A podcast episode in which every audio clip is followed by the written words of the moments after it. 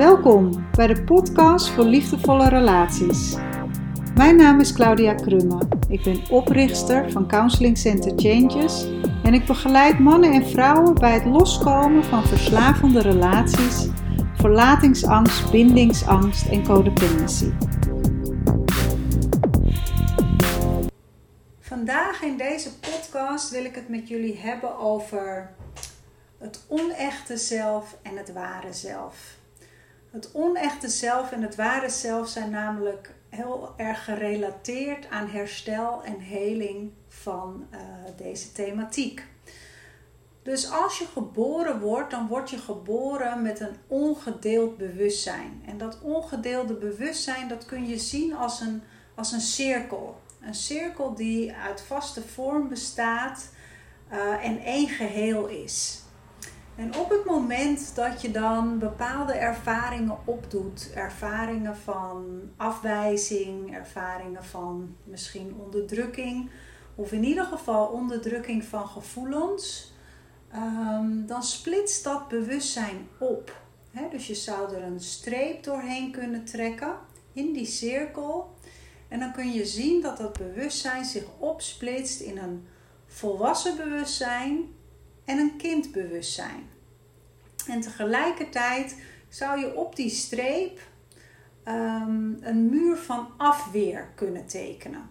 Oftewel, dat is eigenlijk de laag waarop alle overlevingsstrategieën zich inzetten om dat kindbewustzijn of dat innerlijk kind, hoe je het ook wilt noemen, te beschermen. Hè, te beschermen tegen nog meer afwijzing, te beschermen tegen verdriet, te beschermen tegen ehm, schaamte, tegen schuld. Al die gevoelens die horen bij dat kindbewustzijn of bij dat innerlijk kind, hè, waar we het in meerdere podcasts en seminars en workshops over hebben.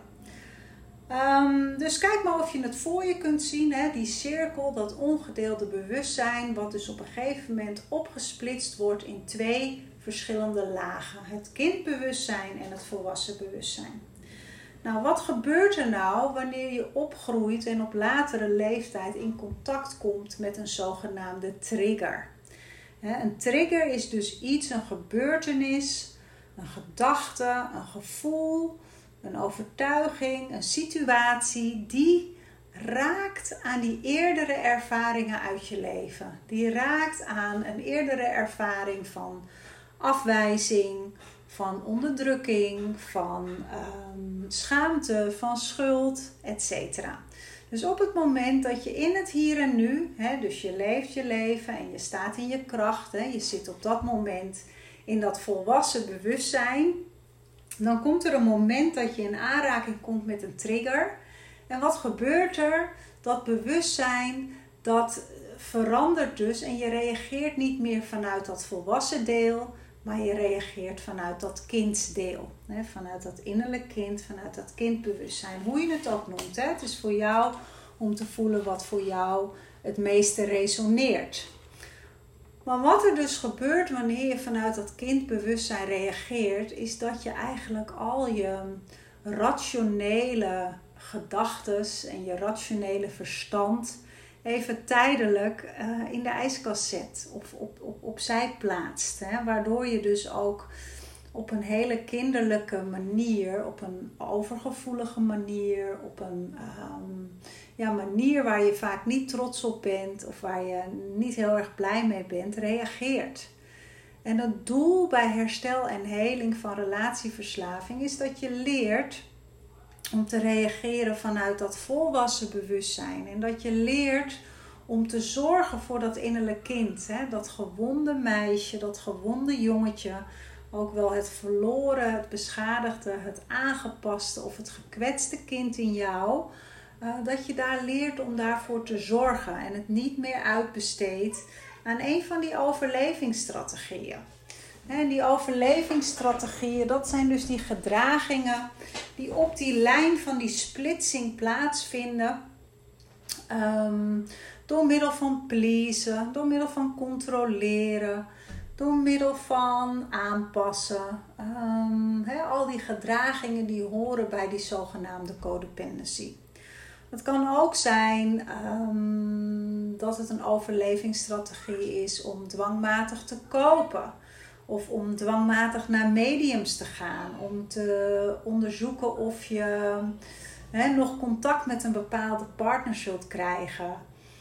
dus ook dat is een vorm van controle. Er zijn allerlei gedragingen die je kunt inzetten als overlevingsstrategie.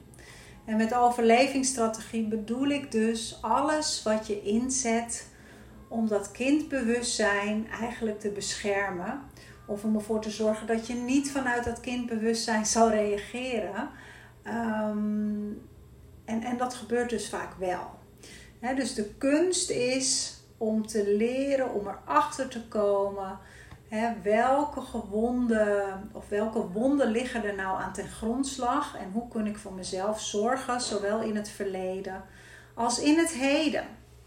Nou, als je dat ongedeelde bewustzijn waar we deze podcast mee begonnen zijn, kunt zien als het ware zelf, hè, dan is het ware zelf is ehm, dat deel van jou wat eigenlijk in essentie liefde, vreugde en licht is. dus je zou kunnen zeggen dat dat ware zelf, dat is het deel van jou um, wat zich op zielsniveau bevindt. of eigenlijk is het misschien zelfs wel je ziel. dus dat is een spirituele uitleg voor die meest liefdevolle, vreugdevolle plek in jezelf. dus de zijnsplek, de ervaringsplek waar uh, vanuit je kunt leven op het moment ehm, dat die oude wonden geheeld zijn. Want wat we dus doen op die laag van afweer, is dat we eigenlijk die muur uh, en die overlevingsstrategieën, die plaatsen we tussen dat ware zelf en um, ja, tussen onszelf en dat ware zelf in. dus dat betekent dat wanneer die strategieën in de weg staan, dat je vaak niet vanuit liefde, vreugde en licht kunt leven. Maar dat is wel iets wat we zelf inzetten en dus ook wat we zelf uit de weg kunnen ruimen. Nou, dan zijn er een aantal tools die we kunnen inzetten om weer toegang te krijgen tot dat ware zelf. Nou ben ik zelf fan van Transformational Breath, van verbonden ademwerk wat een snelweg is naar dat ware zelf. Maar meditatie is ook een manier om weer contact te maken met dat ware zelf. In een andere podcast heb ik ook wel eens gedeeld dat er dagen zijn dat ik een bepaalde somberheid voel. En dat ik dan eerst een laag dieper moet zakken, moet dalen, moet afdalen. Om dat verdriet te kunnen voelen en te kunnen uiten. En dat weer uit de weg te ruimen om me weer te kunnen verbinden met die liefdevolle, vreugdevolle plek. En ehm, dat is dus wat ik het ware zelf noem. Nou, wat gebeurt er nou vaak wanneer wij het leven leven? En zeker wanneer we nog vastzitten in verslavende relaties en in codependent patronen. Is dat we dus niet leven vanuit dat ware zelf, maar dat we leven vanuit dat onechte zelf.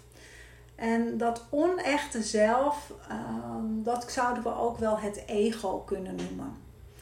Ehm, en dat ego zou je kunnen omschrijven als emoties, gevoelens en overtuigingen die we dus tussen onszelf en dat ware zelf inplaatsen. En dus dat onechte zelf, dat is een aangeleerd deel Ehm, wat deels bestaat uit emoties, gevoelens en overtuigingen. En ehm, dat manifesteert zich dan ook weer in de vorm van overlevingsstrategieën. Een hele mooie metafoor uh, voor dit proces ehm, is de ui. dus de ui die heeft allerlei lagen, allerlei uienringen die je dus kunt afpellen. Eh, een andere mooie uh, metafoor of een mooi woord wat het proces van heling en herstel uitlegt, is het ontwikkelen. Het begrip ontwikkelen. Je ontwikkelt jezelf. Um, je wikkelt jezelf laag voor laag af, hè? net als die ui die je pelt, totdat je bij de kern uitkomt. En de kern, hè, dat is weer dat spirituele deel dat deel wat we in essentie zijn, ehm, ja, waar die plek van liefde, vreugde en licht zich bevindt. En waar je dus uitkomt op het moment dat je die lagen van die ui gaat afpellen. Dus die ui die staat als metafoor voor ieders proces van uh, innerlijke groei en herstel en heling. In dit geval voor het, proces van herstel en heling van relatieverslaving en codependency. dat is de materie uh, waar ik mee werk. Misschien heb je me ook wel eens horen zeggen in een andere podcast of in een video um, dat het belangrijk is om comfortabel te worden met het oncomfortabele. En daarmee bedoel ik dus dat wanneer je stopt hè, met leven vanuit dat onechte zelf, wanneer je stopt met pleasen, met aanpassen, dat er bepaalde angsten naar boven zullen komen, bepaalde gevoelens die onderdrukt zijn, hè, die liggen opgeslagen in dat kindbewustzijn. En die komen naar boven borrelen. En ehm, dat is niet altijd makkelijk, dat is niet altijd fijn. Maar het is heel belangrijk om die toch toe te laten. want dat is wat jou doet groeien. Je zou het kunnen zien als groeipijnen. dat proces van comfortabel worden met het oncomfortabele is een proces van, van groeien. Ehm, ja, waarin je je eigen angsten en je eigen onrust en je eigen discomfort mag omarmen en mag gaan toelaten, um, zodat het uiteindelijk steeds meer zal wegebben. Je kunt dat onderbewustzijn he, ook zien als een soort snelkookpan. Um, die door het leven wat we leven en de ervaringen die we opdoen steeds voller raakt. En wanneer we die ui gaan afpellen en kiezen voor herstel en innerlijke groei, dan gaan we die snelkookpan steeds een stukje legen. En komt er steeds meer ruimte om ehm, te gaan leven vanuit dat ware zelf, in plaats vanuit dat onechte zelf. dus dat, uh, dat wilde ik jullie vandaag meegeven. En ik wil nog iets delen over de valkuil, de valkuil van het ware zelf. Zo noem ik het. En um, dat komt omdat ik dus heel veel werk met uh, verbonden ademwerk. En wat ik vaak zie is dat mensen wanneer ze dan gaan ademen, dat ze um, volledig verbonden zijn met de liefde en met de vreugde. Uh, maar dat ze ook weer in vergeven en vergeten terechtkomen, waardoor het heel gemakkelijk is om weer terug te vallen in bijvoorbeeld een destructieve relatie. Of om weer terug te vallen in, in, in pleasen of aanpassen. En dan, dan schiet het, uh, het innerlijk werk eigenlijk een beetje het doel voorbij. dus het is belangrijk om te onderscheiden dat we een persoonlijkheid hebben, waar we ook dat volwassen bewustzijn um, of het volwassen autonome deel is daar een onderdeel van, van onze persoonlijkheid. En we, dat is een aardsdeel uh, van onszelf. En we hebben dat ware zelf, wat een spiritueel deel is van onszelf. En dat dus veel meer op zielsniveau plaatsvindt. Dus het ademen, dat brengt je in contact uh, ook met dat spirituele niveau. Het, het werkt zowel fysiek als mentaal, emotioneel, maar ook spiritueel. Uh, dus het is heel belangrijk om continu wel die scheiding te maken um, van wat, wat is. Wat komt uit mijn persoonlijkheid en ook van de ander en wat vindt plaats op zielsniveau? Het kan dus heel goed zijn dat je op zielsniveau iemand vergeeft, maar dat je tegelijkertijd jezelf wel blijft beschermen hier op aarde en jezelf niet meer blootstelt aan uh, destructief gedrag of destructieve relaties. En dat kan nog wel eens vertroebeld raken. dat is doordat mensen in contact komen met dat ware zelf, dat ineens alles vergeven en vergeten is, waardoor uh, er eigenlijk een terugval in uh, destructief gedrag plaatsvindt. En dat is niet de bedoeling van herstel. dus vergeven, het proces van vergeven, en het contact maken en het verbinden met je ware zelf betekent niet Ehm, dat je grenzeloos bent, betekent ook niet dat je je met ehm, of dat je je disrespectvol laat behandelen. Dat betekent ook niet dat je je laat mishandelen. Dat betekent misschien wel dat je ieder, iedere ziel als perfect spirit kan zien. En daarmee bedoel ik um, die laag van dat ware zelf, die kan zien dat um, iedereen de lessen te leren heeft die hij te leren heeft in dit leven. En dat het niet aan ons is om uh, te bepalen of iemand verslaafd is, of een persoonlijkheidsstoornis heeft, of depressief is, of wat dan ook. Hè? Dat, dat hoort allemaal bij, uh, bij de lessen van het leven. De, de lessen van het leven waardoor we groeien. En uh, het is aan het hogere om uh, iedereen die lessen te laten leren.